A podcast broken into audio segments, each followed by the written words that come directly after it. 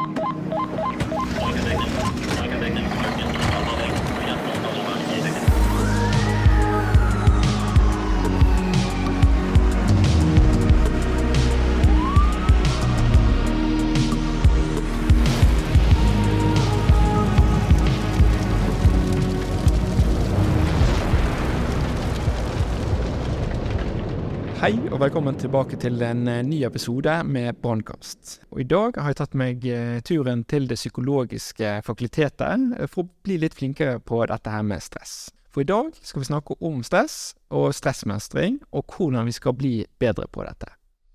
Og Da har jeg fått med meg professorer, to stykker, Anette Harris og Ståle Pallesen fra Det psykologiske fakultetet. Velkommen til dere, og velkommen tilbake til meg, da. Takk med forløp. Ja, dette her med stress. Stresser dere mye? Ja, innimellom så, så vil vi si at uh, for andre mennesker opplever stress. Ja. Tror jeg det er umulig å leve et liv og at det er opplever stress. Men folk hvordan å mener med stress også. Ja. Kommer helt ned og forstår det. Ja. Folk bruker det ordet kanskje altfor mye og altfor mange ting. Og så er det sånn ja, Jeg skal ikke si det bare ungdommen, men og folk sier 'Å, jeg er så stresset, og jeg- stresser så mye'. Og det er så upresis, egentlig, brukt opp i, på folkemunne, vil jeg si. Ja, jeg vil jo aldri si at jeg stresser, men jeg kan gjerne si at jeg har det travelt, men jeg vil jo aldri si at jeg stresser. For det tenker jeg at det Nei, jeg stresser ikke, men jeg merker det alltid på kroppen at kroppen min stresser. For du er jo professor innenfor stress. Ja, innenfor stressforskning. Jeg tok doktorgraden innenfor stress. Og stress og døgnrytmer, døgnvariasjon i stresshormoner, da. Så da bør ikke du stresse noe særlig Nei, men jeg kan ha det travelt, men jeg tror det handler mer om at jeg sier at jeg ikke, ikke bruker ord og sier at nei, jeg stresser mye. Det tror jeg handler om kanskje en bevisstgjøring av begrepet. At jeg tenker at jeg, jeg skal ikke være med og bidra til den, eh, den forvirringen som er om begrepet. Men også fordi at for folk flest så er det et litt negativt ladet ord. Og jeg tenker at det trenger det ikke være. Jeg liker jo å ha det travelt. Jeg liker å ha det travelt. Jeg er en som leverer best når jeg har det travelt. Så jeg liker det. Eh, samtidig så kan jeg kjenne på at det er mye, men jeg kan likevel si at jeg liker det. Så jeg, vil ikke, jeg bruker gjerne ikke det begrepet om at det, at det er stress. Og, og du også professor, Ståle. Og i hva da? Eh, Ja, jeg jobber mest med søvn og søvnrelatert. eh, Ja. Ja, men også forskering går ut på avhengighet. Ja, spennende. Ja, for du kan jo Hvis du stresser mye, så kan jo dette påvirke søvn, tenker jeg. Ja da, altså, jeg tenker jo at eh, hvis du virkelig er eh, sånn som vi kaller det, reelt stresset, eller har ha- har får stressresponser, så tenker jeg at en av de eh, tingene du vil fortest merke det på, lettest merke det på, det er at søvnen blir dårlig. Ja, enten at du sover dårlig, eller at du sklir på døgnrytmingen, at du sover til feil tider. Det er kanskje en av grunnene til at jeg eh, i dag jobber like mye med søvn som jeg jobber med stress. Eh, det er gikk rett og slett fra å lete etter en biologisk markør på stress, til å få litt mer over mot søvn og døgnrytmer. Fordi at eh, jeg ser at den kanskje den sterkeste markøren vi har på stress, det er at man sover dårlig, eller at man sover til feil tider. Det høres ut som jeg stresser ganske mye, da. Sover dårlig. Noen sover dårlig helt Altså uten å stresse også, så det, det finnes mange grunner til søvnproblemer.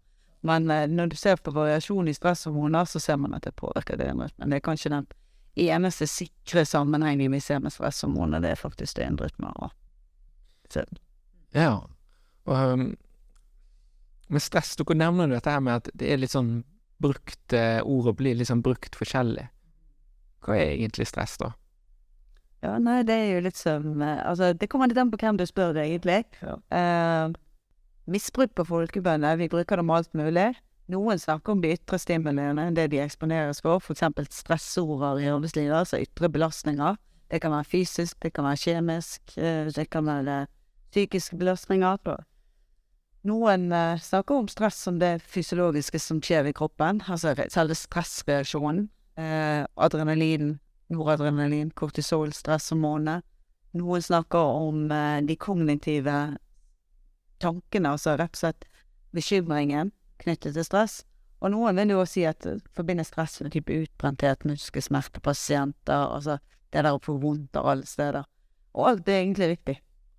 For det er faktisk sånn at litt avhengig av hvilken stressteori man ser på, så vil man se at, eh, alt, at man kan jo fasjonalisere og definere dette begrepet, og på denne måten alt er riktig. Men for de fleste mennesker så er det jo litt sånn at eh, eh, stress oppstår når det er et misforhold mellom det du forventer skal skje, og det som faktisk skjer. Og du, du har, du har en forventning om at ikke du vil mestre det. Og- Så rett og slett, når det er for mye, det er overveldende. Ja. Belastningen, det du eksponeres for, er overveldende. Fordi du ikke har ressurser til å håndtere det, eller ikke tror du har ressurser til å håndtere det, eller du rett og slett ikke er trent på å håndtere den oppgaven du står overfor. Ja, det gir mening. Det er litt sånn stort ord, da. Eh, så det blir liksom kanskje litt vanskelig å Hvis alle bruker det likt, da. Eh, Jeg hadde aldri brukt det likt. sant? Det var det jo presis, sant? Og så, så, og sånn som man nettopp sier, så, så skiller vi jo gjerne mellom sånn de, det vi kaller for stressorer. Ja. Som er de stimuli, sånn, eller situasjoner som utløser en eller annen form for respons. Og de responsene kaller vi gjerne for stressresponser. Hva slags type stressresponser Eller. Så eh, kognitiv responser har måter du tenker og prosesserer informasjon på. Emosjonelle responser har om følelsene dine. Mm. Og de blir også selvfølgelig hva du gjør i atferd, atferdsbaserte responser. Så jeg tenker at i hvert fall det skiller mellom de fire typer responssystemene, da. Som annet kan være eh, kan være ulike former for stressresponser, eller reflektere ulike former for stressresponser. Mm. Disse responsene, altså Hva er det som skjer i kroppen, egentlig? Ja, det første som skjer, altså det, det kommer litt an på din forventning til den belastningen du utsettes for. Hvis du eksponeres for en brann som er av en art som eh, du har sett før, og du vet du har håndtert før på en god måte, så vil du ha en forventning om at denne situasjonen som jeg går inn i nå, den har jeg ressurser til å håndtere. Da vil du likevel få en fysiologisk stressrespons. Du får adrenalin, du får noradrenalin, du får kortisol, og det påvirker alle de andre hormonsystemene i kroppen din. Og de vil du få, men opp til et nivå som gjør deg skjerpet og i stand til å håndtere dem på en god måte. Og de hormonene, altså det er jo litt av det som vi snakket om tidligere her i dag, at du, du får hormoner for at de skal hjelpe deg å håndtere en trussel, Så det er en positiv ting. faktisk. Og det er litt sånn, så jeg pleier ofte å skissere det med en, tenk på som en omvendt, du, du må opp på den toppen der for å ha en peak performance, sant? Hvis du ligger lavt her nede og ikke er stresset i det hele tatt, da er du rett og slett ikke våken nok. Men når du utsettes for en belastning eller en eller annen traume, en trussel, en stimuli som er så, såpass kraftig at du reagerer med stresshormoner, så er alle sansene dine skjerpet. Du er rett og slett mer våken, du ser mer, du har tankene mer på plass, at du kan respondere kjapt. Eh, og du vil være bedre i stand til å håndtere den trusselen. Men hvis stressstimulien er så sterk, at du bikker over denne omvendte U-en, at du liksom kommer på andre siden, eh, da kan prestasjonen bli dårligere igjen. Da begynner det, kommer det igjen sånne tanker om at ok, vil jeg klare dette, er dette for tøft for meg, har jeg ressurser til å håndtere det? Um, da kan prestasjonen bli dårligere. Men inntil en viss grad så er det helt klart det er mye bedre å være våken og aktivert og påkoblet hvis man står i en Det er dette de kaller den her fight or flight. Ja, egentlig. Men den trenger ikke være så kraftig som en fight flight hvor liksom adrenalinet fyrer rent sånn, men nok til at du blir skjerpet til at du er våken. Mer enn når du sitter i lunsjen på brannstasjonen før det går an, eller Mm. så er du liksom Du er ikke påkoblet. Du hører gjerne ikke godt nok etter, du er ikke helt til stede. Men når du kommer i en truende situasjon, så er alle sansene skjerpet, da er du klar. Da vil du Ja, da er forutsetningen for å prestere optimalt til stede. Jeg tenker også at det er sånn evolutivt utviklet eh, si, mekanisme sant, som skal hjelpe oss til å eh, håndtere situasjoner. Altså Hvis du tenker langt, langt tilbake i, i menneskets evolutive fortid, sant, så var det sånn type situasjoner og jeg blir blokkant, da er det et truende dyr her, jeg må løpe, eller jeg må kjempe, eller jeg må gjøre noe annet. Og Da skal jo disse, disse reaksjonene, i hvert fall de fysiologiske reaksjonene, hjelpe deg til å yte. Så egentlig, utgangspunkt, vi sier stress er en stressrespons det er en slags tilfastingsmekanisme til miljøet som skal hjelpe deg, egentlig. Så, så egentlig vil jeg jo si at utgangspunktet er en, en positiv ting. Absolutt. At du har den evnen til å kunne mobilisere deg rett og slett. Mm. Situasjonen krever det. Og det er jo det egentlig på mange måter av de fysiologiske stressresponsene på mange måter er.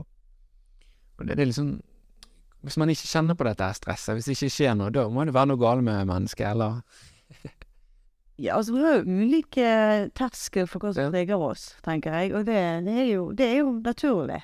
Eh, og det handler jo om erfaring, det handler om personlighet. Ja. Ditt felt, så Men jeg mener, spør da, men men klart altså, hvis, du, eh, hvis det er en alvorlig brann, altså, så vil vi ikke tro det er noen, noen, eh, noen som jobber i brannvesenet som bare rundt og simer og er veldig avslappet og går rundt og daffer. Altså, du gjør ikke det. sant? Og grunnen er jo nettopp fordi at da har du fått koblet på systemet som gjør at nå blir du aktivert, nå skjer det kroppen din, sånn, som gjør at du yter ekstra. Og det er jo egentlig det som er stress. Ja da, og det er, som du sier, altså det fysiologiske, det er jo gjerne at du får en økt prioritering til de organene som trenger det. sant? Opp til hjernen så du blir skjerpet, du får til store muskelgrupper i kroppen som gjør at du kan reagere og kan handle. Det blir en mindre, mindre blodstrøm f.eks. til magetarm, for det er ikke viktig i en akuttsituasjon f.eks. Mindre blodstrøm til huden som gjør at man kanskje kan se litt eh, bleik ut akkurat der og da. Men det er jo for å hjelpe systemet. Altså, prioriteringen er rett og slett der, det du trenger. En forsvarsmekanisme, altså en slags trigger. Mobilisering. Ja. Og så hentes det ut eh, sukker fra ulike lader i kroppen. sant? Bøsses ut i, i blodet. ja. Så også hjelper det til å prinsippet kunne yte eller løpe vekk fra den bjørnen, eller eh, jobbe godt fysisk eh, istedenfor annet enn noe som krever mye av.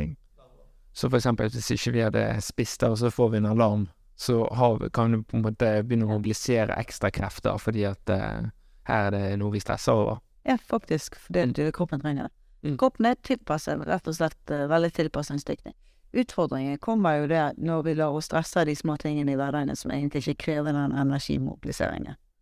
Å ja, så da er vi på en måte hele tiden aktiv, da, på en måte, eller, eller aktivisert? Ja, en hvis man blir aktivisert eh, hele tiden, altså hvis det er stressresponssystemet som er veldig hensiktsmessig når det er en brann eller når det er en trussel på at du skal reagere, eh, hvis det systemet blir koblet på eh, stadig vekk for småting som du egentlig ikke trenger å koble det på for, så er det uhensiktsmessig.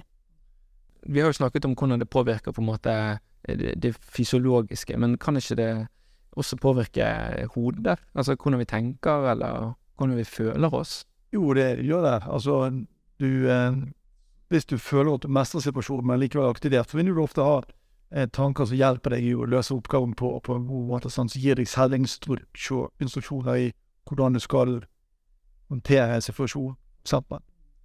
Men når det bikker over i negative, sånn, hvor du begynner å tenke at dette klarer jeg ikke, jeg får ikke det til. Når det bikker over, når stresset blir for sterkt, og du føler at du ikke klarer å mestre situasjonen, da, vil du gjerne få mer negative tanker. Ja. Ja, du får liksom angst, altså du kan få det. Angst eller uro eller bekymring eller Blir litt sånn Hva heter det? Apatisk. Altså veldig sånn eh, Du vet Du klarer ikke å gjøre noe, du blir liksom handlingslammet. Ja, det på atferdssiden at du blir helt handlingslammet. Ja.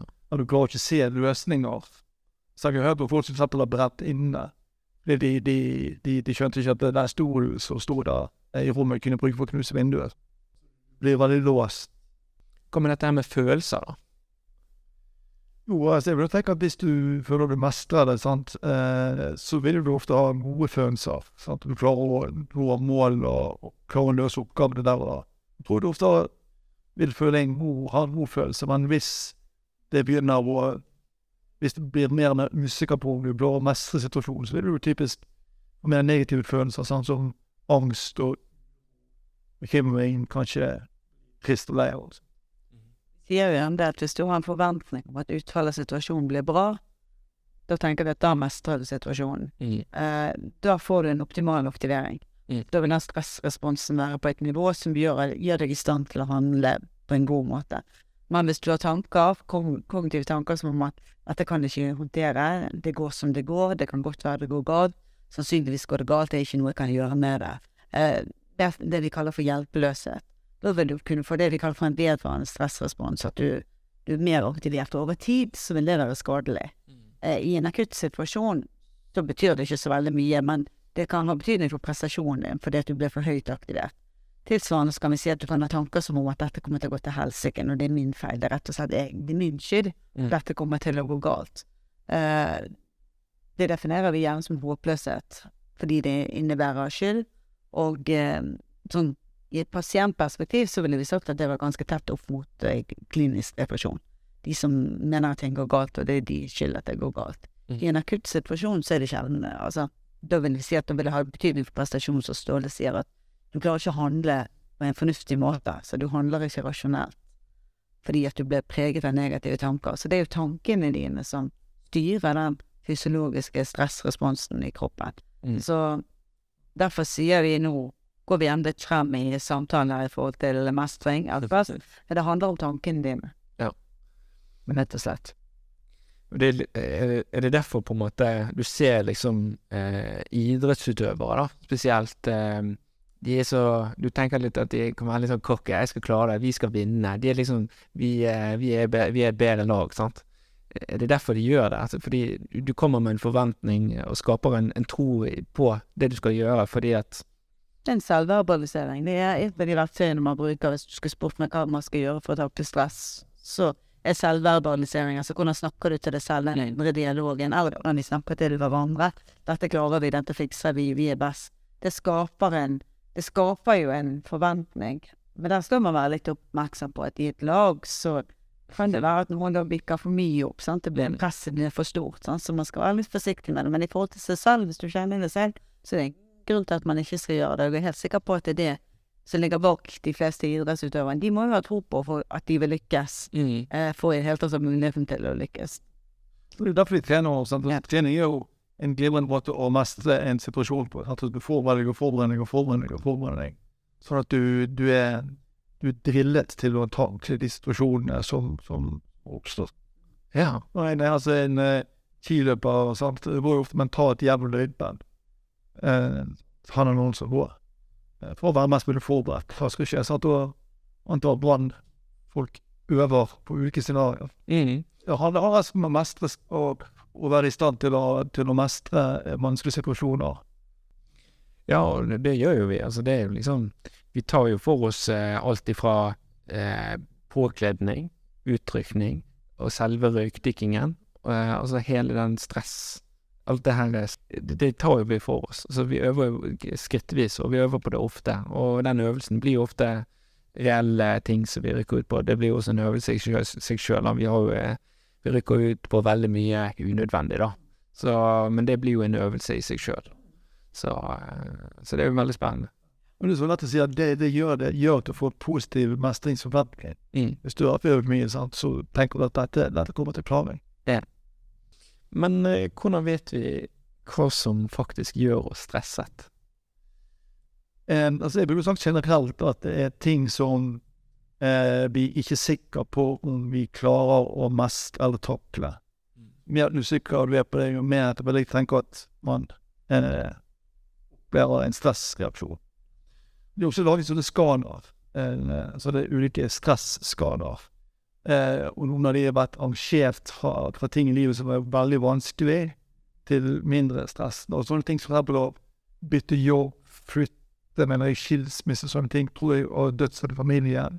Tror jeg ting som går høyt opp på sånn liste som man tenker at dette skaper stressreaksjoner hos de fleste. Ja. de fleste. Ja, ja det, det kan man si. Så, så vi vet jo litt om det. Altså situasjoner som skaper stressreaksjoner hos de fleste. Men, men hva som er akkurat stresser den enkelte, det vil jo være veldig individuelt, tenker jeg. Eh, men det er jo Dårlig sier at hvis du har en forventning om at ikke du har ressurser til å håndtere det, så vil det skape en stressrespons i kroppen din. Men eh, jeg tror at veldig mange mennesker går rundt uten å egentlig ha et bevisst forhold til hva de blir stresset av. Det er blitt en vane at dette her er ubehaget. Ja, man bare ikke kjenner etter, man sitter ikke opp på det. Hva er det egentlig, hva er det egentlig som gjør at jeg opplever meg stresset, hvis jeg opplever meg stresset, da? Eh, så hvis jeg snakker med folk, og eh, jeg er jo litt frem til å snakke om stress, og jeg spør det, hvis jeg, i hvert fall hvis jeg har stressmestringsgrupper, mindre grupper, og spør de ja, hva er det de egentlig blir stresset ut av? For vi kan ikke håndtere noe som vi ikke vet hva er.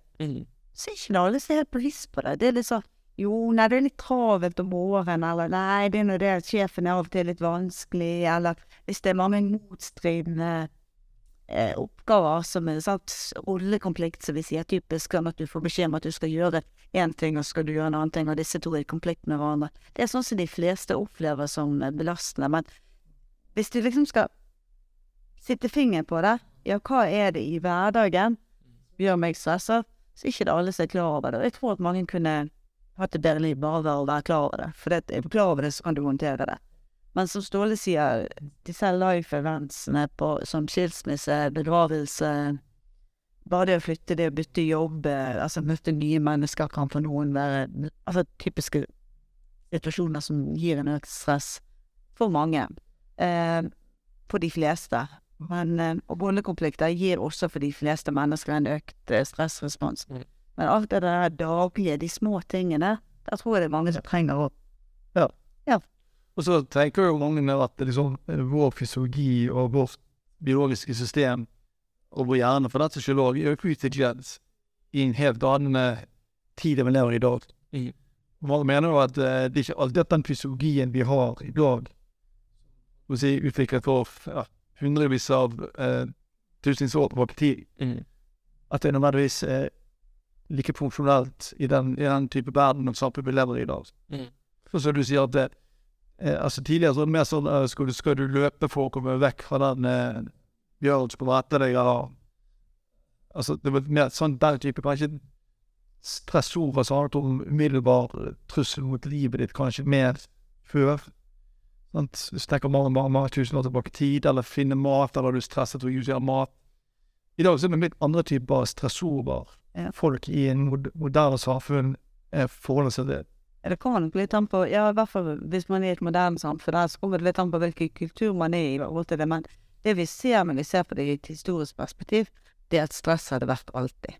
Mm. Og det har vært ulike faktorer man har tilegnet det, spesielt hvis man ser på sykdommene som oppstår som følge av stress. Det er typisk uspesifikke muskelvondene som de fleste har, eller gjerne sånn typisk litt hodepine, litt vondt i ryggen, litt vondt i nakken, litt anspenn.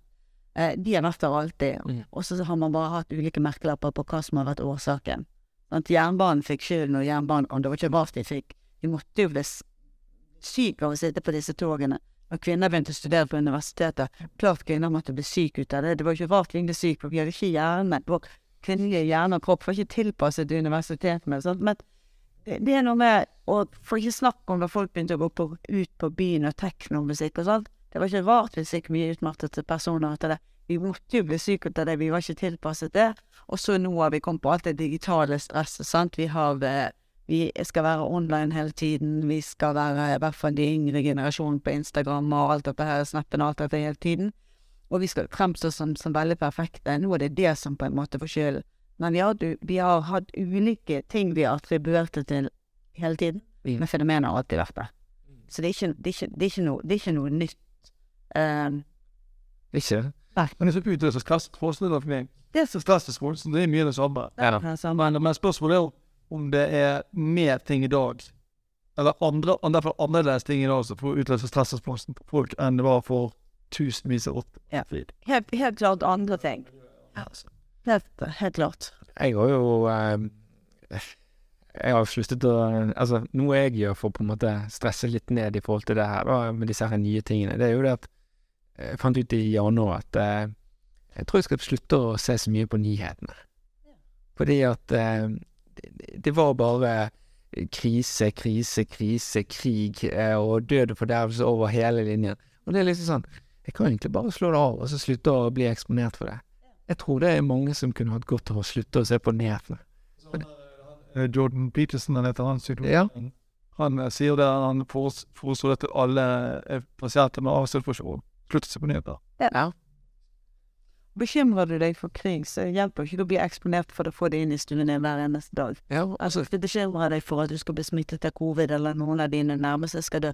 Men ofte så ser du det at de som bekymrer seg mest for det, Mm. det er de som sjekker eh, covid-statistikken hele tiden. Smittestatistikken og nye virus og nye vaksiner. Vi har jo full kontroll på det, sant. mm. Og det gjør jo ikke mening. Så da syns vi de har gjort noe fornuftig. Da, hvis du tenker at du vil ikke ha den til eksponeringen, du vet jo om at den er der likevel. Ja, ja. Gjør gjerne med det det du kan. Altså, vi- skal jo ikke Vi skal jo ikke reservere oss helt for det heller. Sant? Det handler jo litt om at det- del i det som skjer i verden, men du trenger ikke eksponere deg for det hele tiden.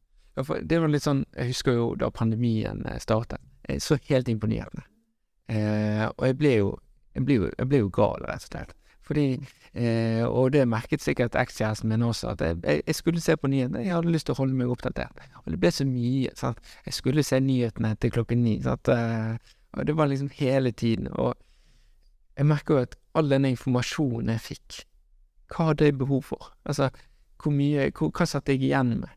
Og nå i ettertid så ser jeg at det var kanskje ikke så smart av meg å sette, se så mye på nyhetene, fordi det gjorde meg ikke så godt. Ja, da er vi litt tilbake inn på det der som sier hva er det som gjør deg stresset? Ja. Blir du stresset av krig? Blir du stresset av pandemi?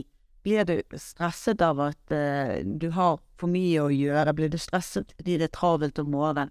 Ja, du må finne ut av hva er det, hva er det du blir stresset av. Er det fordi det er travelt om morgenen? Fordi det er mye som skal skje, sånn som mange småbarnsfamilier eh, kjenner på. Ja, så må man kanskje prioritere å stå opp en time tidligere. Eller kanskje må man planlegge eh, vårdagen litt mer om kvelden, sånn at en del ting er landet opp litt mer. Altså det er noe med at du må bli bevisst hva det er som gjør deg stresset, sånn at du faktisk kan håndtere det. For eh, ellers så blir bare alle rådene du kan få, de blir veldig sånn generelle, og det er sikkert det hjelper deg i det hele tatt. ja. Det handler litt om denne bevisstgjøringen. Og jeg føler det, er at det var det jeg gjorde. Jeg merket Jeg fant noe, og så tok jeg tak i det. Og det er Jeg tror mange har eh, Mange kan ha godt av det. Ja. Og jeg må være ærlig og si at jeg har Jeg har kjent på selv at jeg har trodd at det var ting som har plaget meg, og så viser det seg at når jeg går litt inn i meg sjøl og kjenner litt etter, så var ikke det akkurat det jeg trodde, det var noe helt annet som dukket opp. Det er veldig lett å skylde på jobben, for eksempel. Plutselig var det min datter som eh, jeg var bekymret for istedenfor, sant. Men, men det er liksom Hva er det egentlig som eh, ligger fremme i pannebakken som du, så, som du reflekterer over? Og det er av og til faktisk sitte seg ned og kjenne litt etter på det. Helt hvert fall hvis, hvis du merker at eh, det er behov for det. Hvis Ikke det er behov for det, så tenker jeg kjøp og ikke bruk energi på det. Men jeg tror også det er mange som stresser over å bare ikke vite noe. Eh, liksom sånn hvor, hvor, hvor er jeg om ett år, om to år, tre år, fem år, hvor skal jeg studere? Sånn. Og det kan være litt sånn nødvendig stress. Altså du It is what it is. Altså, det blir liksom sånn Jeg tror vi på en måte jobber oss litt I hvert fall nå, føler jeg, da, at vi jobber oss eh, Jobber på oss eh, bekymringer, og, og da derav stress, da. Jeg vet ikke. Ja, der er du inne på dette med usikkerhet. Sant? Ja. Usikkerhet, det Vi mennesker, vi liker ikke usikkerhet. Mm. Er det noe vi ikke liker, så er det usikkerhet. Vi vil at ting skal være trygt og forutsigbart. Så det å stå i usikkerhet, og sånn som spesielt yngre kjenner på, sant? yngre generasjon skal jeg bli, Hva skal jeg bli her i livet? Skal jeg inn i fremtiden? Eh, og nå med covid og krig og alt som skjer, så blir det kanskje enda mer utrygt. Eh, så det å prøve å skape forutsigbarhet i det uforutsigbare, da. Mm. Hva er det du derfor kan vite? Det å ha et litt kortere perspektiv. Altså det er liksom, da, da må du bryte det ned til det, da, sånn at du derfor skaper forutsigbarhet i det uforutsigbare. Og det er jo ikke alt du kan vite heller, altså. Så, så, så tenker jeg det at, at du trenger ikke tenke på det som sikkert hele tiden er der. Ja. Du trenger ikke bli inn i det og tenke hva skal det bli over to år. Sant? Altså, ja, at man reflekterer litt over det to ganger, det er greit, men eh, fordi han må ta gode og langsiktige valg òg, men, eh, men hvis man tenker på det veldig mye hele tiden, at det kommer noe godt ut av det, ja. så, så er jo ikke det noe hensikt i det. Nei. Nei, og det er jo derfor vi gjerne anbefaler mindfulness-trening, for det handler om å være litt mer fokusert her og nå. Mindfulness. Det er det er jo, i og med at vi snakker nå om stress, så er jo det et av de tiltakene som viser seg å ha en effekt på stress. Eh, rett og slett fordi at det handler om å trene seg opp i å bli mer her og nå fokusert. Hvis du er mer her og nå fokusert, så er ikke du bekymret over det som har vært. Da kommer ikke de tankene om at jeg skulle jo sagt det, jeg skulle jo gjort det, hvorfor har jeg ikke litt mer frempå der, eller hvorfor valgte jeg å ta den konflikten. Altså, da er du ferdig med det, for jeg får ikke bekymret over det som har vært. Du lever her nå, tenker heller ikke så veldig mye på det som skal skje i morgen eller fremover. Så rett og slett det å trene seg opp til å være bevisst litt mer til stede i situasjonen som du er i. Det tror jeg eh, det er mange som har behov for. Spesielt de som sitter på mobil og liksom er helt andre steder og går glipp av ganske mye, da, fordi de fokuserer rett og slett på helt andre ting. Ja, for det er veldig sjelden det er det som er her og nå som gjør deg eh, stresset. Det er tanker knyttet til det som har vært, eller forventninger til fremtiden, det som skal være. Det er det som skaper Du får ikke gjort noe med fortiden, og du kan ikke gjøre så mye med fremtiden. Altså, du kan være forberedt, med får man sånn være det, sant. Og så er det som uh, Rett og det å kunne Hvis du kan predikere noe som skal skje, eh, og det å kunne forberede seg og se for seg ulike scenarioer, scenarioer inntil en viss grad, at det ikke er sånn henger altfor mye opp i alle slags mulige eventualiteter, men derfor har en viss sånn forberedthet på viktige ting som skal skje. Altså, det er, det samme som at dere øver på ulike scenarioer, sånn at dere er forberedt frem til, til en, en, en, et bra sted. Dette er da man, man leser på eksamen fordi man skal være forberedt til de oppgavene man får. Mm. Mm. Så, så noen får på forberedelser er jo bra. Absolutt, man skal være forberedt. Man skal ha en retning i livet. Du skal vite hvor du, hvor du ønsker å være. Ellers, hvis ikke du har en retning Det er ikke det jeg mener med å være mindful og være til stede her og nå. Det handler om å ikke bekymre seg for det som skal komme frem. Sant? For du, du tar denne dagen i dag, du tar denne situasjonen, dette møtet nå, denne eksamen som skal være her nå. Altså, det er den du forbereder mot. Du tar ikke alle bekymringene som skal komme fremover. Mm. Klart du må ha en retning. Og så vil det altså være er noen ting du ikke kan forberede. Ja. Og kommer du til å bli syk om fem år? Er det vil å si. Mm. Du må ikke forberede deg. Du må ikke så drive og, og tenke for mye på det, eller liksom tenke at eh, det, Du må forberede deg på de tingene du vet kommer til å komme, og de tingene du kan faktisk gjøre noe med. Eller med forberedelse. Og det er mange ting i livet du ikke kan forberede. Mm. Jeg er innenfor at du har ikke øvd deg på, og nødvendigvis det hjelper ikke eh, om du kommer til å få kreft om ti år. Mm. Så kan ikke du liksom drive og tenke på det nå. Det har, har ingen positiv effekt eller funksjon. At Man forbereder deg på ting som vil hjelpe deg å mestre situasjonen når den kommer. Som en eksamen eller en, en brann. Det, det vil kunne være Kan ikke man bli syk da, etter hvert da? Hvis man tenker seg litt sånn På det meste syns vil du blir syk før og siden. Ja, det kan. At du eller noen, noen, noen som står deg nær blir syk før sitt liv, det, er absolutt uh, hvor det regner med. Men, men, eh, men jeg vil ikke hjelpe deg nødvendigvis så veldig mye og tenke så mye på at det kommer til å skje. wow. Det vil ikke være bra for deg, tror jeg, å bruke for mye tid på å tenke på det. Du vet ikke hvordan du blir syk, du vet ikke hvem som blir syk, du vet ikke hvordan personen blir syk. Men at det skjer negative ting med folk i livet, altså det er uunngåelig. Mm. At noen av tingene kan du kan forberede deg til noen ting i livet, sant, som å jobbe lese til en eksamen, for du vet kommer til å komme, konkret for noe, kommer til å bli, det på deg på en brann, du kan forberede på ulike ting, men mange av de usikre tingene i livet, du vet ikke hva som kommer, men du vet ikke hvordan de blir. De tror jeg det er noen som å forberede seg på, jeg tror ikke det er noe særlig funksjonelt å bruke tid på å forberede seg på sånne ting heller. Wow. Men det her med forberedelser, altså Hva med oss gutter som ikke tør å gå bort til uh, jentene på byen, da? Altså nå trenger jo jeg litt hjelp med å, uh, uh, eh, ja, gå bort til, til noen, av, Men jeg husker jo en gang at eh, jeg går bort til den fineste jenten på byen. Etter massiv overtalelse fra kompiser. Og guttene de bare 'ja, kom igjen, gå bort, gå bort', sant. Og jeg har aldri tørt å gå bort til noen som helst jenter. Så husker jeg bare gikk bort til hun jenten, og så sa jeg hei. Og så sier hun hei, og så gikk jeg. det var jo en seier i seg sjøl, da. Jeg bare Å, jeg klarte det. Men jeg, jeg, jeg, jeg klarer liksom ikke å hvis, hvis det er Ja, altså, flotte jenter, de stresser veldig. Hva kan man gjøre liksom for å forberede seg for det stresset? Jeg vet ikke at det er en situasjon i prinsippet du kan forberede deg for. Sant? At du kan eh, se på deg, spille av scenarioer i hodet om hvordan du skal føre deg, hva du skal si, hva den personen kanskje kommer til å si, og hvordan du skal respondere på det. Du kan drive med rundespill med andre. Altså, det handler rett og slett bare om å, om å, om å bli fortrolig i den situasjonen, så at du vet noenlunde hva skal du si i de ulike sammenhengene. Ja. Jeg tenker at uh, det går fint å forberede seg til det. Så det blir litt sånn annet prinsipp oppgaver du skal i livet. For du vet noenlunde kanskje, eller kan du bare få en annen forutse til en viss grad hva som muligens kommer til å bli sagt og ikke sagt. Og du da til en viss grad kan ha ulike handlingsalternativer som du på en måte er forberedt på, så du kan eh, utføre når en, en situasjon oppstår. Absolutt. Så Hvilken som helst vanskelig.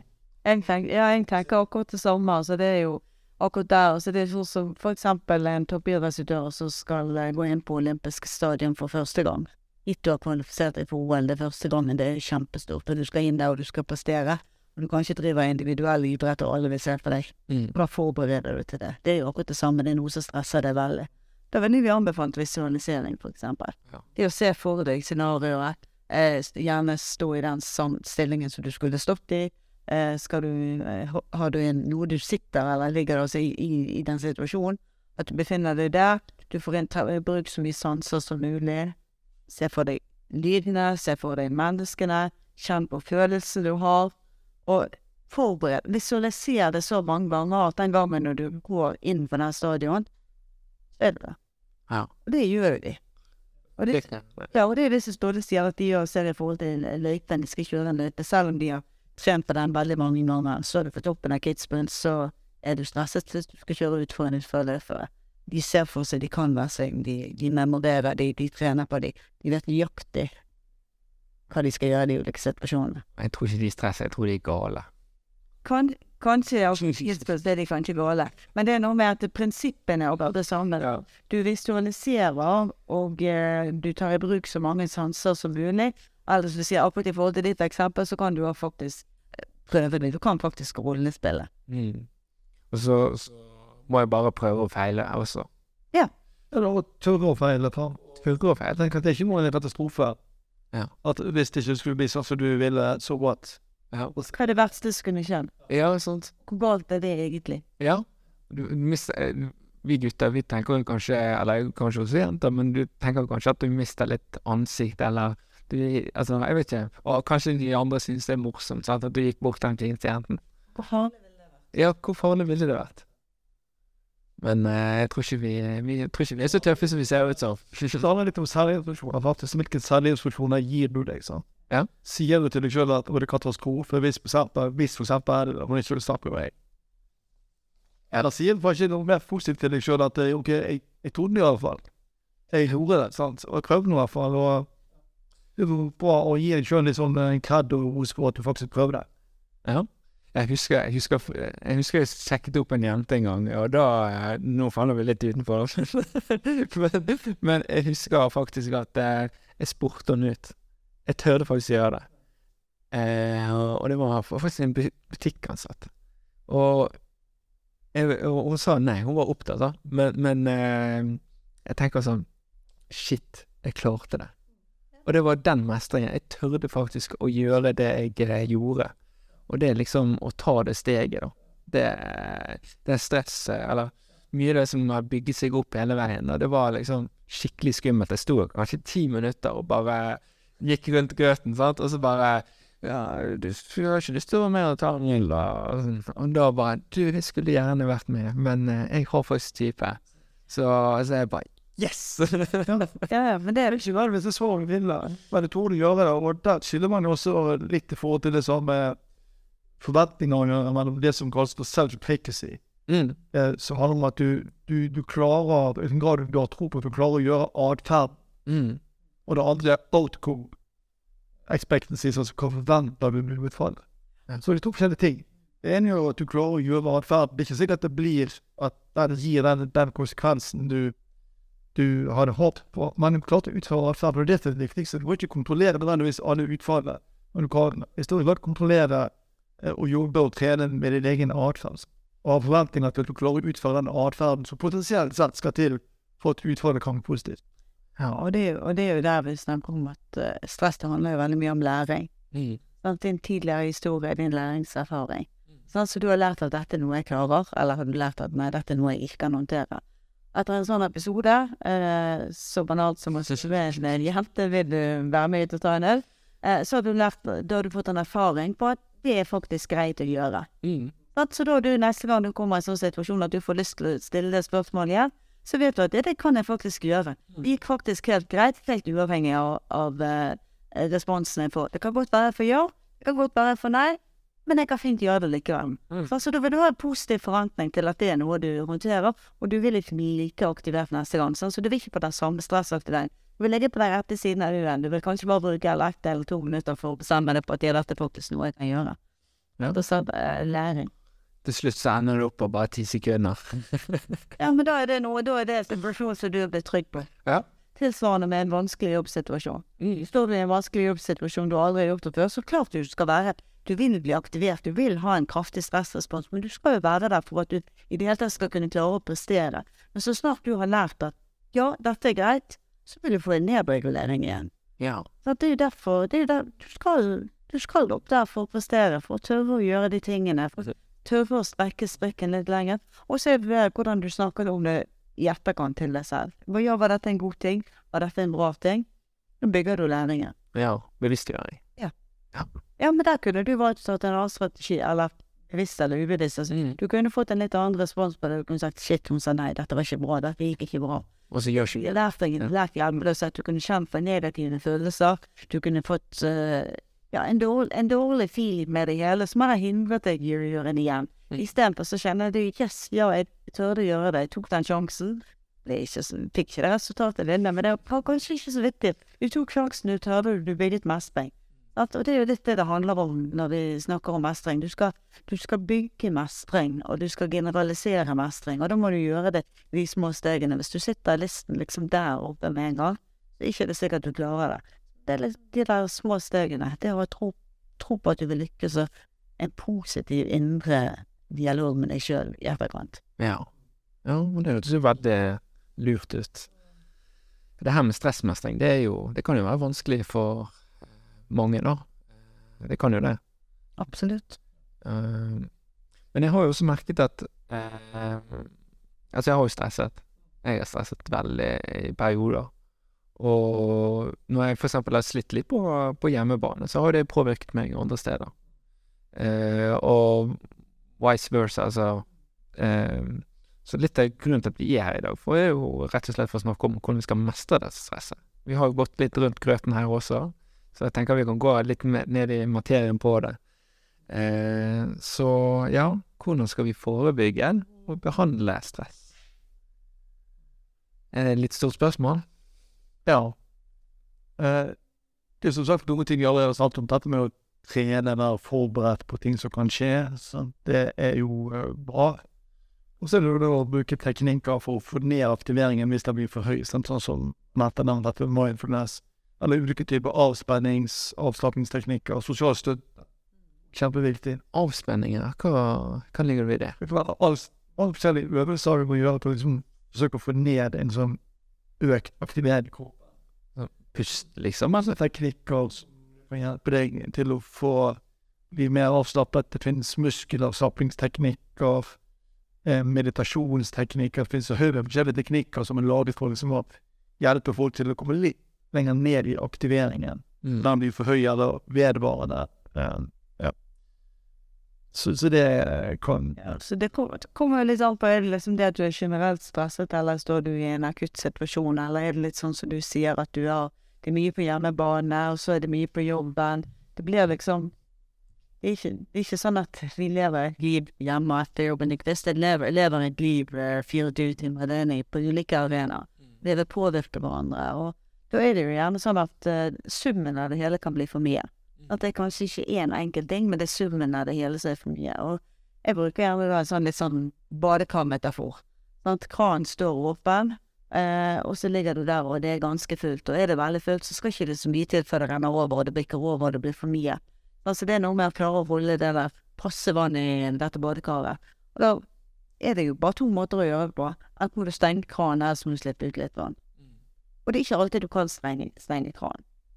Du kan gjerne ikke Det er jo der man kan si som, som fastlege så ville du kanskje sykemeldt pasienten eh, fra jobb, selv om kanskje den største belastningen var på hjemmebane. Fordi at det eneste stedet du kan redusere belastningen, det er kanskje på jobb. sant? Og da steiner vi kranen på jobb, for da tar vi ned den totale belastningen, selv om det kanskje av og til kan være feil. For kanskje har personen veldig godt av å være på jobb, for det er kanskje der de bygger mestring og bygger alt, eh, får energi. Og da er en annen måte å se på det, det er ja, ok, hvordan kan du få sluppet ut litt vann? Altså, hva er det som restituerer deg? Hva teknikker bruker du for å, for å restituere deg, og for å liksom blåse ut litt? Hva er det som gir deg energi og påfyll? Og det er et helt annet spørsmål. Ja. For da er det for noen så kan det være å gå en tur i fjellet. For noen kan det være en knallhard crossfit-økt. For noen kan det være å sitte ned og høre på musikk, lese en bok. For noen kan det være å snakke med venner. Bare få noen til å lytte. Bare bøse ut med alt det du har. Eh, og Og tømme deg. ja, rett og slett tøm deg, bli ferdig med det. Og da er jeg igjen litt sånn inne på det der Ja, hva er det som stresser deg?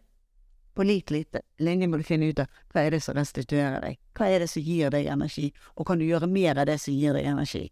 Og det tror jeg er viktig å være klar over, for hvis jobben sier deg energi, så må du i hvert fall ikke sykemelde deg fra jobben. Ja. Hvis det er treningen som gir deg energi og restitusjon, så må ikke du kutte ut og trene når det blir travelt. Eller er det det å få den der timen hvor du kan sitte og lytte til musikk alene, eller sant. Så det er noe med at du må finne ut, ha et bevisst forhold til hva er det som gir deg energien. Eh, og så må du gjøre mer ut av det når du kjenner på at nå begynner belastningen å bli for stor. Og så samtidig prøve å kutte ned på det som er, men det er ikke alltid man kan. Det er det her med sånn egentid.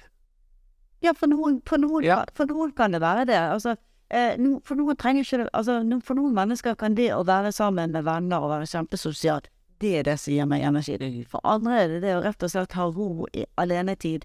Det å få lov å være for seg selv og bare ha tankene for seg selv. Det er det som gir energi. Poenget mitt er at du må vite, den enkelte må vite, hva er det som gir meg energi. Hva er, Når er det jeg får slipper ut vannet fra dette badekaret? Eller er det noen ting jeg kan eh, stenge hjelp på? Er det noen ting Er det kanskje ikke like viktig at huset ser helt fint ut i en periode? Nå er det tøft på jobben, eller nå er det tøft i livet. Trenger huset å se fint ut? Trenger jeg å fikse hagen? Må jeg gå i det sosiale selskapet og besøke? Igjen, hvis du får energi av å gå i det, så må du gå i det. Men hvis det er sånn Det der er egentlig bare sånn som tapper meg for energi, kutt ut. Altså det er noe med lag en, lag en bevisstgjøring, en liste på hva er det som gir deg energi, hva er det som tapper deg for energi, og så for guds skyld ikke kutt ut det som gir deg energien. For da, da blir det feil. Og der, her, er- her går det ikke an å komme med noen fasitsvar. For det er ikke ett et svar til, som gjelder for alle. Men vi kan jo si at generelt sett, hvis jeg skal gi ett tips til som gjelder nesten til alle, så er det begynne å stå opp til samme tidspunkt hver dag. Hold en fast døgnrytme. For det er faktisk Og og sov nok. Sørg for at du får nok søvn og døgnrytme, for det vil for de fleste mennesker gi deg energi til å håndtere alle de andre tingene. Så hvis noen kommer til meg og sier at de er veldig stresset, nå er det veldig mye, så sier jeg ja, begynn å sørge for å sove og ha en fast døgnrytme, og så begynn å kjenne etter. Ta deg litt tid til å finne etter. Finne ut av hva er det som gir deg energi, og hva er det som tapper deg. Og så blir neste steg igjen i neste runde ok, hva kan du gjøre noe med ut av det? Og noen ganger kan vi stenge kranen. Det er en del ting vi ikke trenger å være med på i livet. For eksempel, jeg trenger ikke se på nyheter. For eksempel. Uh, Trenger ikke være med de folkene. nei, ikke hvis det er folk Nei, men hvis det er folk som er hvis det er folk som ikke hvis det er folk som føler belastende eller Ja, hvis det er et miljø eller noen mennesker som, eh, som tapper deg for energi, nei, så er ikke det det du trenger. I hvert fall ikke den situasjonen. Kan du si andre situasjoner i livet? Ja, da kan jeg være tilbøyelig til å, til å være mer sosial, eller til å gjøre mer av de tingene. Akkurat nå er det såpass mye. Fordi at det kan være eksempel at du står i en livssituasjon eller en jobbsituasjon som du som krever annet fokus. Ta for eksempel Camilla Stoltenberg, som har stått nå i pandemien noen år. At hun kan ikke bare si at nei, jeg gidder ikke bry meg om den pandemien i dag, for pandemien er der. Hun må kutte ut på alt de andre tingene. Når pandemien er over og hun skal slappe av eller på nedtur, da kommer det en eh, flyktningkrise. Altså, noen ganger er livet sånn. Du kan rett og slett ikke styre de belastningene, fordi at de belastningene, den jobben du har medfører at de belastningene kommer. Eller det ekteskapet, den familien du har, medfører at de belastningene kommer. Du kan ikke si det at nei, jeg planla ikke at det var så mange i min familie som skulle bli alvorlig syke, eller at vi skulle stå i en skilsmisse, eller at jeg skulle få et sykt barn. Men noen ganger så er livet sånn at det er det du får, og da må du rydde plass til å håndtere det. Og det er da du må vite hva som gir energi, og hva som tapper. Så går det stort sett bra med de fleste. Hva er det som gir deg energi, da? Jeg trenger begge deler. Jeg trenger en blanding. Jeg trenger å være aleine. Eh, mer og mer med årene trenger jeg faktisk å ha litt alenetid. Gå i fjellet alene eller gjøre ting alene. Jeg trenger mine yogaøkter og min tid med meditasjon. Det har vært nytt for meg. Hadde du spurt meg for ti år siden, så hadde jeg trengt en hard eh, crossfit-økt løpetur eller Altså, da var det litt andre ting. Eh, eller jeg kunne trengt eh, Jeg er nok som alle trenger sosial støtte, men eh. Men, men jeg har et ganske bevisst forhold til det, og det kommer litt an på, på hvor jeg er i livet. Og jeg ser at jeg har variert veldig. Um, men jeg tror at det er viktig å ha et bevisst forhold til det hvis du skal klare å holde et høyt tempo. Det liker jeg. Ja, det er jo bra, da. Og det kommer deg der, Ståle. Hva er det som gir deg energi? Hva faen, du merker jo bare det å sove nok, for eksempel, som snakket om, men det er også betydelig for hvordan du fortolker ting. Altså Hvis du har sovet lite, så fortolker du ting som et større problem ofte. Så sier jeg da at hvis du, hvis du har sovet eh, du har sovet lite, fortolker du ting som et større problem enn hvis du har sovet nok, så fortolker du kanskje den samme utfordringen som, så, som mindre. Men ellers er det jo sånn, ja, peding, syns jeg er kjekt, og sosial støtte. Men også dette med alenetid, jeg merker det eh, de jobbene som vi har her. Noen ganger så får det veldig mye til folk. Mm. Og hele tiden skal yte overfor studenter, eller skal yte overfor andre. Da merker jeg at når jeg er oppe i situasjoner hvor du sånn ut fra liksom, på en måte du føler du skal gi veldig mye til andre hele tiden, Mm. At du det er over. Det er helt greit at det er sånn. Men da, da føler jeg at eh, når du er mye av det, så tror jeg også det er større behov for en hele tid. Mm. Etterpå. Ja. Da skal jeg liksom ikke forholde meg for mye til folk. Eh, at de etterpå hvor du har hatt en mer tar en uke med masse sånn interaksjon med andre. Det Kan være greit med litt sånn tid for deg sjøl. Ja, jeg er samme her. Jeg liker den alenetiden. Bare Kanskje ikke bare gjøre noe. Enten så er det trening, eller så bare ikke gjøre noe. Eller, eller bare holde meg litt sånn aktiv, men å holde seg litt unna folk også. Og, men samtidig så komme til folk, og det er litt sånn vanskelig, men ja. Noen syns hobbyer, å drive med hobbyer, sånn som, eh, som de brenner for at det og så kan for mange være sånn stressmestring i det, for det er noe de kjenner, noe de føler de kan, noe de mestrer. Så vi kunne holdt på med hobbyer som, som, eh, som en sånn fritidsaktivitet, tror jeg også er litt sånn bra for en Ole.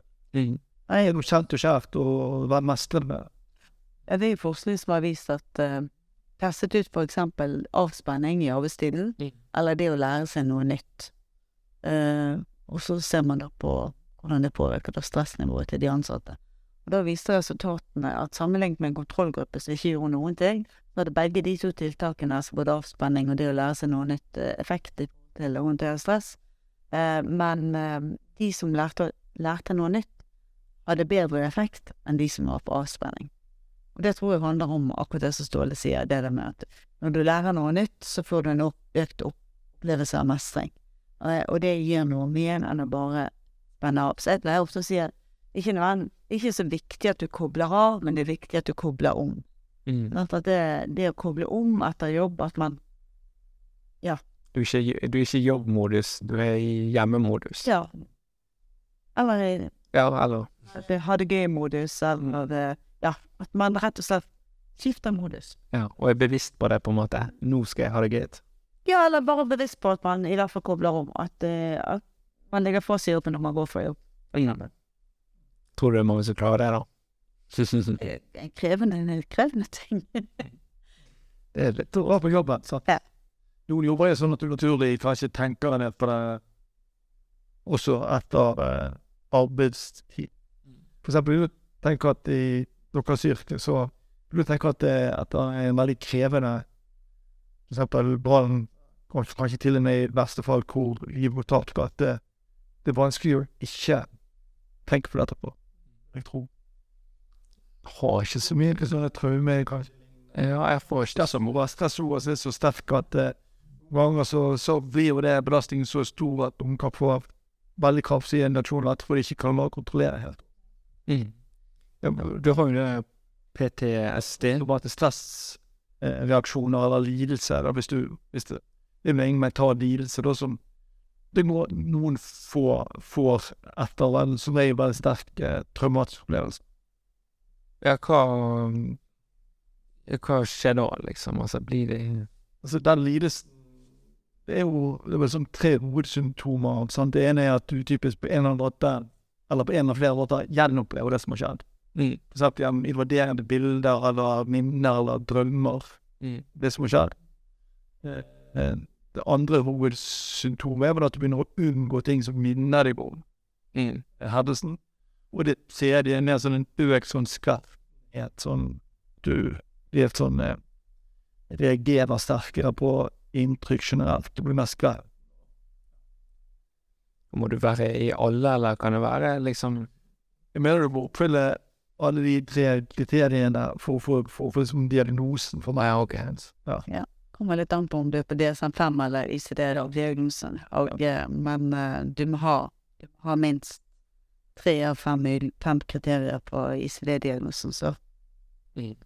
men, men jeg tenker det er jo få som Heldigvis få som Mm. opplever eh, såpass kraftige traumer at de utvikler posttraumatisk stressyndrom, men eh, mange kan jo oppleve traumer Mm. på arbeidsplassen eh, i forbindelse med brann. Altså alt, alt operativt personell, tenker jeg, står i situasjoner som kan gi skarpe bilder, og som kan påvise kan gi medføre traume.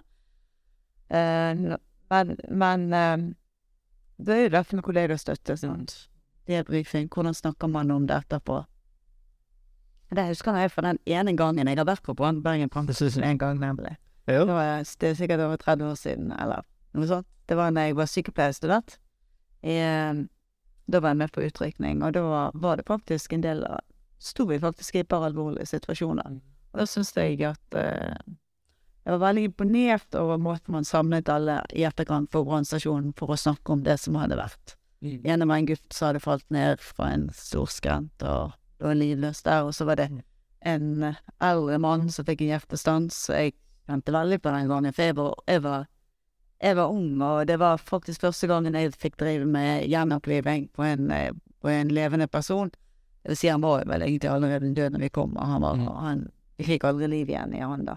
Men da husker jeg at det var så utrolig god på den der eh, debrifingen, den korte debrifingen da, som de hadde i etterkant med å liksom snakke om det. Kanskje det var fordi de så at jeg var ung og uerfaren, og at jeg, at jeg reagerte. Men eh, så jeg spurte han om det, og han sa, snart sa han som ledet det teamet den gangen, at nei da, dette gjør vi alltid. Mm.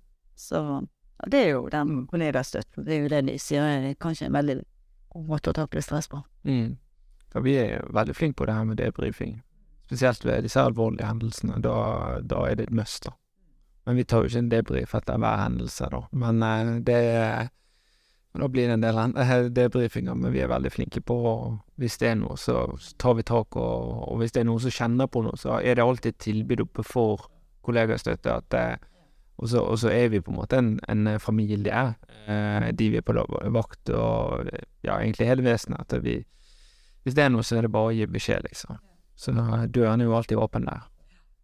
Jeg. Jeg tror det er veldig viktig at man har en lav terskel. sånn At uh, vet du noe som er machomiljøet det på arbeidsplassen, sikkert ikke.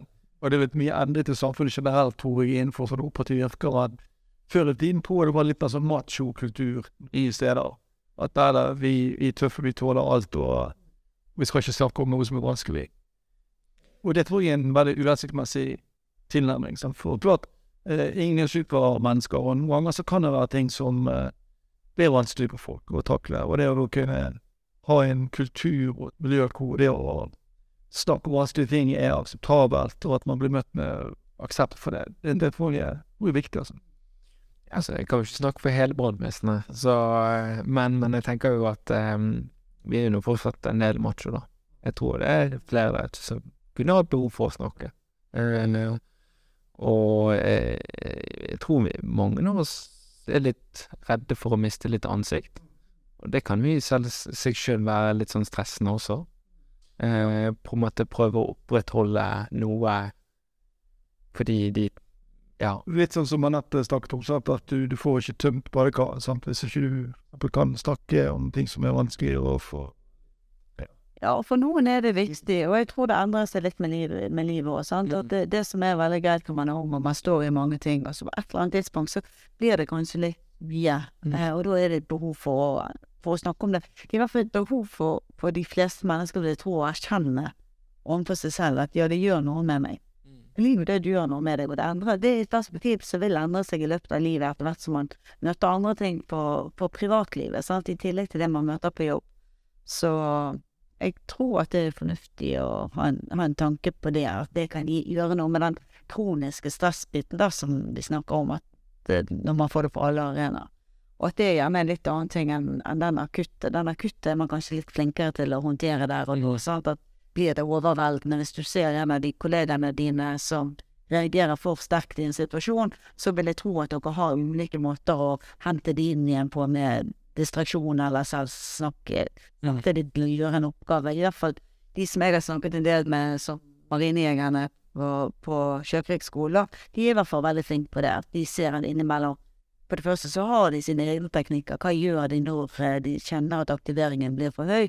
Og da velger de å gjøre noen oppgaver som som de vet de håndterer, så de kan gjøre blinde. Det kan være noe så banalt som å demontere våpenet og sitte det sammen igjen.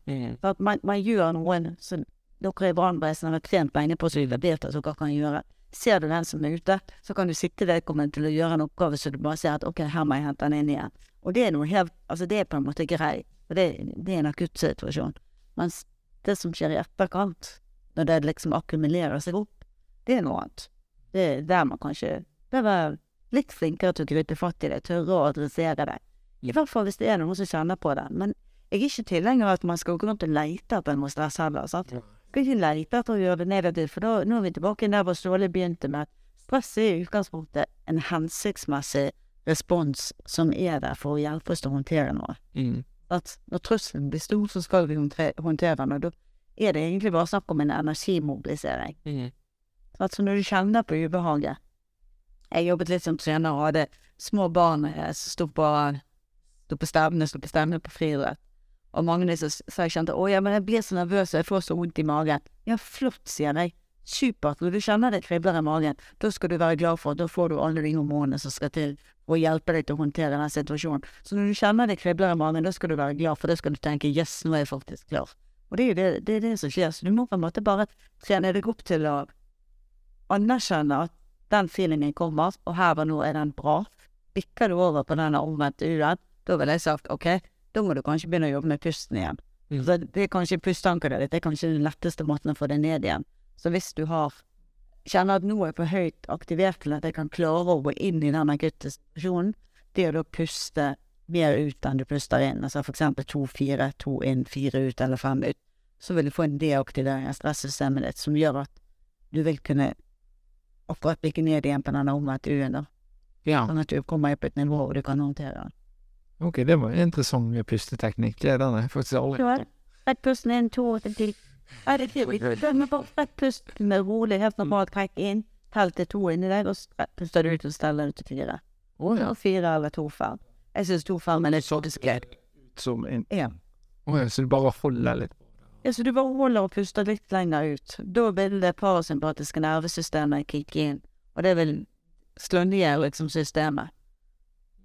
Litt innebærer at hvis du f.eks. trenger å gire deg opp, for du er rett og slett ikke nok våken, så gjør du det motsatte. Du kjører, kjører du hardt på utpust. Altså du bare jobber du med utpust, strammer magemuskler på utpust. Det er for eksempel det en idrettsutøver vil gjøre hvis ikke de giret nok opp til en, til en konkurranse. Nå skal jeg prestere, nå skal jeg være våken, jeg klarer ikke helt å være våken. Så jobber de hardt med utpust. Strammer magemuskler på utpust, da vil du kjenne at da vil det sympatiske aktiveringssystemet kicke inn. Da vil du få mer adrenalin, mer eh, kortisol. Da vil du bli mer våken. Så enkelt. Og pust med høyde med deg hele tiden. Og det å trene på det Jeg trenger ikke koffein, jeg. Jeg kan bare puste, jeg. Du kan faktisk trenger på ingen måte koffein hvis du trenger å bli aktivert. Du kan bare jobbe hardt med pusten. Det er faktisk Du kan sitte faktisk helt i ro. Jeg gjør dette av og til på sånne stressmestringskurs. Og jeg ber folk sitte helt i ro, og så jobbe med tankene dine og pusten, og så har du på deg en pustklokke. Og så jobber du med tankene dine og pusten, og så ser du hvordan du klarer å jobbe med tanke og pust, og få opp pulsen. Du kan få den opp i 120-130. En av de unge, ungdommene vi hadde ute på Oen senter, han klarte å komme opp i 150 i puls. Satt helt i ro bare med tanker og pust. Jeg vil ikke vite hva han tenkte. Men tilsvarende jobber motsatt. Sant? Puste inn på to og rolig ut, og prøve å med positive tanker. Og så vil du kjenne at systemet bare slår seg ned igjen. Og hvis du trener på det i fredstid, altså Mm. i tiden hvor du ikke står midt i noe, så vet du at du har det der med deg når du trenger det også. Så det er vel kanskje pusten og ja, selvsnakk. Ja, det, må, jeg- det må jeg prøve. Det, ja, det har jeg aldri hørt om. Så, ja, nei, vi har ikke noe sånn pustetrening på, på i brannvesenet. Kanskje det må bli en sånn greie. Du vet at eh, Java-pilotene de hadde et prosjekt på mindfulness og stressmestring en del år siden. Og de fortsatte med det etter at prosjektet var over. Så etter klokken syv om morgenen gikk de rett i meditasjon, la seg ned på gulvet og gikk rett inn i meditasjon og jobba med pusten og tankene sine. Ja. Og det er i utgangspunktet veldig selekterte personer. For jeg har jo et PT, hun sier alltid Eller det kan jo være med aktivering av muskler, sånt, men det er liksom Husk pusten, husk pusten. Han slår på magen og så bare sånn Pust, pust. Tror mye det her med pusten kan hjelpe, men jeg, jeg har ikke peiling, altså. Pusten hjelper veldig mye. Alle burde lært seg å puste ordentlig. Puste og tanker. Det er det som styrer Hvis jeg skal si det er to ting som styrer stress, stressresponsen din, så er det pusten din og tankene dine. Så hvis du skal mestre stress, så må du jobbe med pust og med tankene dine. Ja. I den akutte situasjonen. Akutt. Ja, Ja. hvis du står i en akutt situasjon, enten hvis du trenger å bli mer stresset fordi du rett og slett ikke er påkoblet nok i forhold til den oppgaven du skal uh, Gitt at du skal ha en veldig kjedelig forelesning, da. For å si det ikke så veldig ofte. Men, men det kan være at man kanskje er litt for lite på. sant? Jeg har faktisk jobbet litt med bussen med tankene for at du rett og slett skal være påkoblet for at du skal komme inn og levere en bra uh, forelesning. Eller gjøre en god jobb i en hvilken som helst annen jobb. Eller hvis du er for høyt oppe og kjenner at nei, vet du nå må jeg faktisk komme meg ned. Da må du jobbe med pusten, og så må du jobbe med tankene. Hvordan snakker du til deg sjøl? Da handler det om å ha tanker som i utgangspunktet, tenker jeg, gjør at du har, gir deg ressurser, altså tro på at dette vil gå bra. Positivt selvsnakk. Mm. Det kan også være distraksjon. Ja, for jeg, når vi har hatt på utrykning, så, så har, kommer jeg ofte med en sånn liten sånn trøst til meg sjøl. Eh, 'Dette har jeg fikset eh, tidligere. Dette har jeg jobbet med. Jeg vet hva jeg skal gjøre.' Eh, og da faller på en måte jeg litt sånn ned. da. Positive selvinstruksjoner som vi gjør, liksom. Ja. Positiv selvsnakk. Og det, det føler jeg liksom har jobbet veldig på utrykning. sant? Istedenfor at det bare nå skal vi dit, nå skal vi dit'. Og på en måte få denne Ja, kanskje, kall det kanskje en mindfulness. Nå skal jeg jobbe med dette her. Nå må jeg sitte her. Nå Vi vet dette, dette, dette. Og så greit, da er jeg klar for de tingene jeg skal gjøre. Ja da, og noen kan jo gjerne ha det der at de har bestemmer seg for visse oppgaver de skal gjøre, eksempel i bil på vei til en utrykning, sant. Man har ulike ting man skal gå igjennom. Eh, litt fordi det flytter tankene dine på noe konstruktivt som du faktisk gjør, og som du mestrer og du vet du er klar. Mm. Men også fordi at det hindrer deg i å la tankene eh, gå og krisemaksimere på ting som kan skje. Altså skape ville fantasier da, i forhold til eller bekymringer. Ja, og det, det er liksom du, du kan jo bare gjøre det du kan, altså. Eh, hvis du skjønner hva jeg mener. Altså, du kan bare gjøre Hvordan skal jeg ordlegge meg på det? Altså eh, Du gjør ditt beste, sant, og du har dine roller. Ja, det er det, da. Og ikke Du kan ikke på en måte Jeg tror noe av det eh, som kan være et lite hinder for oss, det er det at vi forventer så mye av oss sjøl. Det er jo litt det her tilbake med stress, at vi forventer kanskje Ja, og legge ned liksom. sant. på Stille igjen. Det er liksom hvis Det skjer det som skjer, så da må du alltid legge ned listen. Ja. Det er alltid det kan bli så bra som du vil, fordi at ikke nødvendigvis fordi at ikke du har forutsetninger til å gjøre det så ekstremt bra, men akkurat nå så er det disse ressursene du har tilgjengelig. Eh, og da må du gjøre det beste ut av situasjonen med de ressursene som er. Dukker det opp sånne enorme sånne krisetanker eller eh, destruktive tanker, så er en av teknikken det som type tankestopp. Ja. Rett og slett bare instruere seg selv til å si at dette er ikke greit, dette sporet skal ikke jeg inn på. Og så bevisst velge et annet spor. For jeg har jo tenkt litt sånn når jeg har vært på Hvis jeg skal på hjertestans eller noe sånt, så har jeg alltid tenkt at det er bare meg. At det, nå skal jeg gjøre det, nå skal jeg gjøre det. sånn. Men det er jo ikke det jeg skal. Jeg kan være femtemann i køen som skal drive kompresjoner. Vi er jo kanskje to ambulanser og, og fire mann fra bilen, og sant, så skal liksom drive alt mulig, og det er ikke sikkert jeg får tatt på pasienten engang. sant? Så jeg tror vi kanskje kan krisemaksimere litt og ja, gjøre ting og forvente mye mer av oss enn det vi trenger, egentlig. Det er da det handler også litt om det å tro på det teamet du er en del av. Ja. Å tro på at de andre har også ressurser til at denne situasjonen blir bra. At det blir et godt utfall. Ja. Tryggheten er viktig. Men eh, det her med Hvis, du, hvis vi skulle mm, runde av her, da. Hvis dere har noen tips til oss brannfolk, eller akuttmedisinske, altså utrykningspersonell Det vil i hvert fall være en stor fordel av positiv selvinstruksjon, at dette klarer jeg, dette folk til. Eh, og som man sier, ikke legge listen for høyt, ikke klandre deg sjøl om eh, ja, ikke alt går helt sånn som du har tenkt. For noen ganger så er det situasjonelle faktorer som du ikke kan kontrollere. Mm. Ja da, så tenker jeg ja, det der med kollegastøtte. Altså det å være en god, være en god kollega, være den for andre når de trenger det, når du ser at andre trenger det, for da er de sannsynligvis der for jo når du trenger det. Så jeg tenker det, det er kanskje viktig, og det å være trent på de situasjonene du har mulighet til å trene på. Eh, og ja, trening det er ikke undervurdert. Så det å tefte på detaljer og det å være forberedt på, på det som kan skje, det vil gi deg en større trygghet. Og så lær deg igjen litt om om pusten. Bli bevisst hvordan du kan bruke pusten og tankene dine faktisk på, for å regulere spenningsnivået. Det er i hvert fall sånn i forhold til en akuttsituasjon. Og generelt sett så gjelder jo alt dette andre som gjelder for å ha et bra liv. Mm. Sørg for å trene nok, være i god form, spis sunt, hold en god døgnrytme, sov nok. Da vil du jo større grad kunne håndtere akuttsituasjonene de oppstår. Av organisasjonens folk. Sånn. Ja. Så Sørg for et bra sosialt nettverk hos dem. Ja. Det er jo eh, veldig bra. Jeg tenker vi runder av episodene. Jeg føler vi har vært innom det meste, så da er det på tide å takke dere. Tusen takk igjen for at dere kunne være med og bidra med dette. Det er jo eh, kjekt å få professorer til å bidra. Det er jo det. Så tusen takk, Anette, og tusen takk, Ståle. Så håper jeg at dette kan eh, bidra med at eh, folk kan forstå stress litt bedre, og mestre det, og at de takler det når det kommer.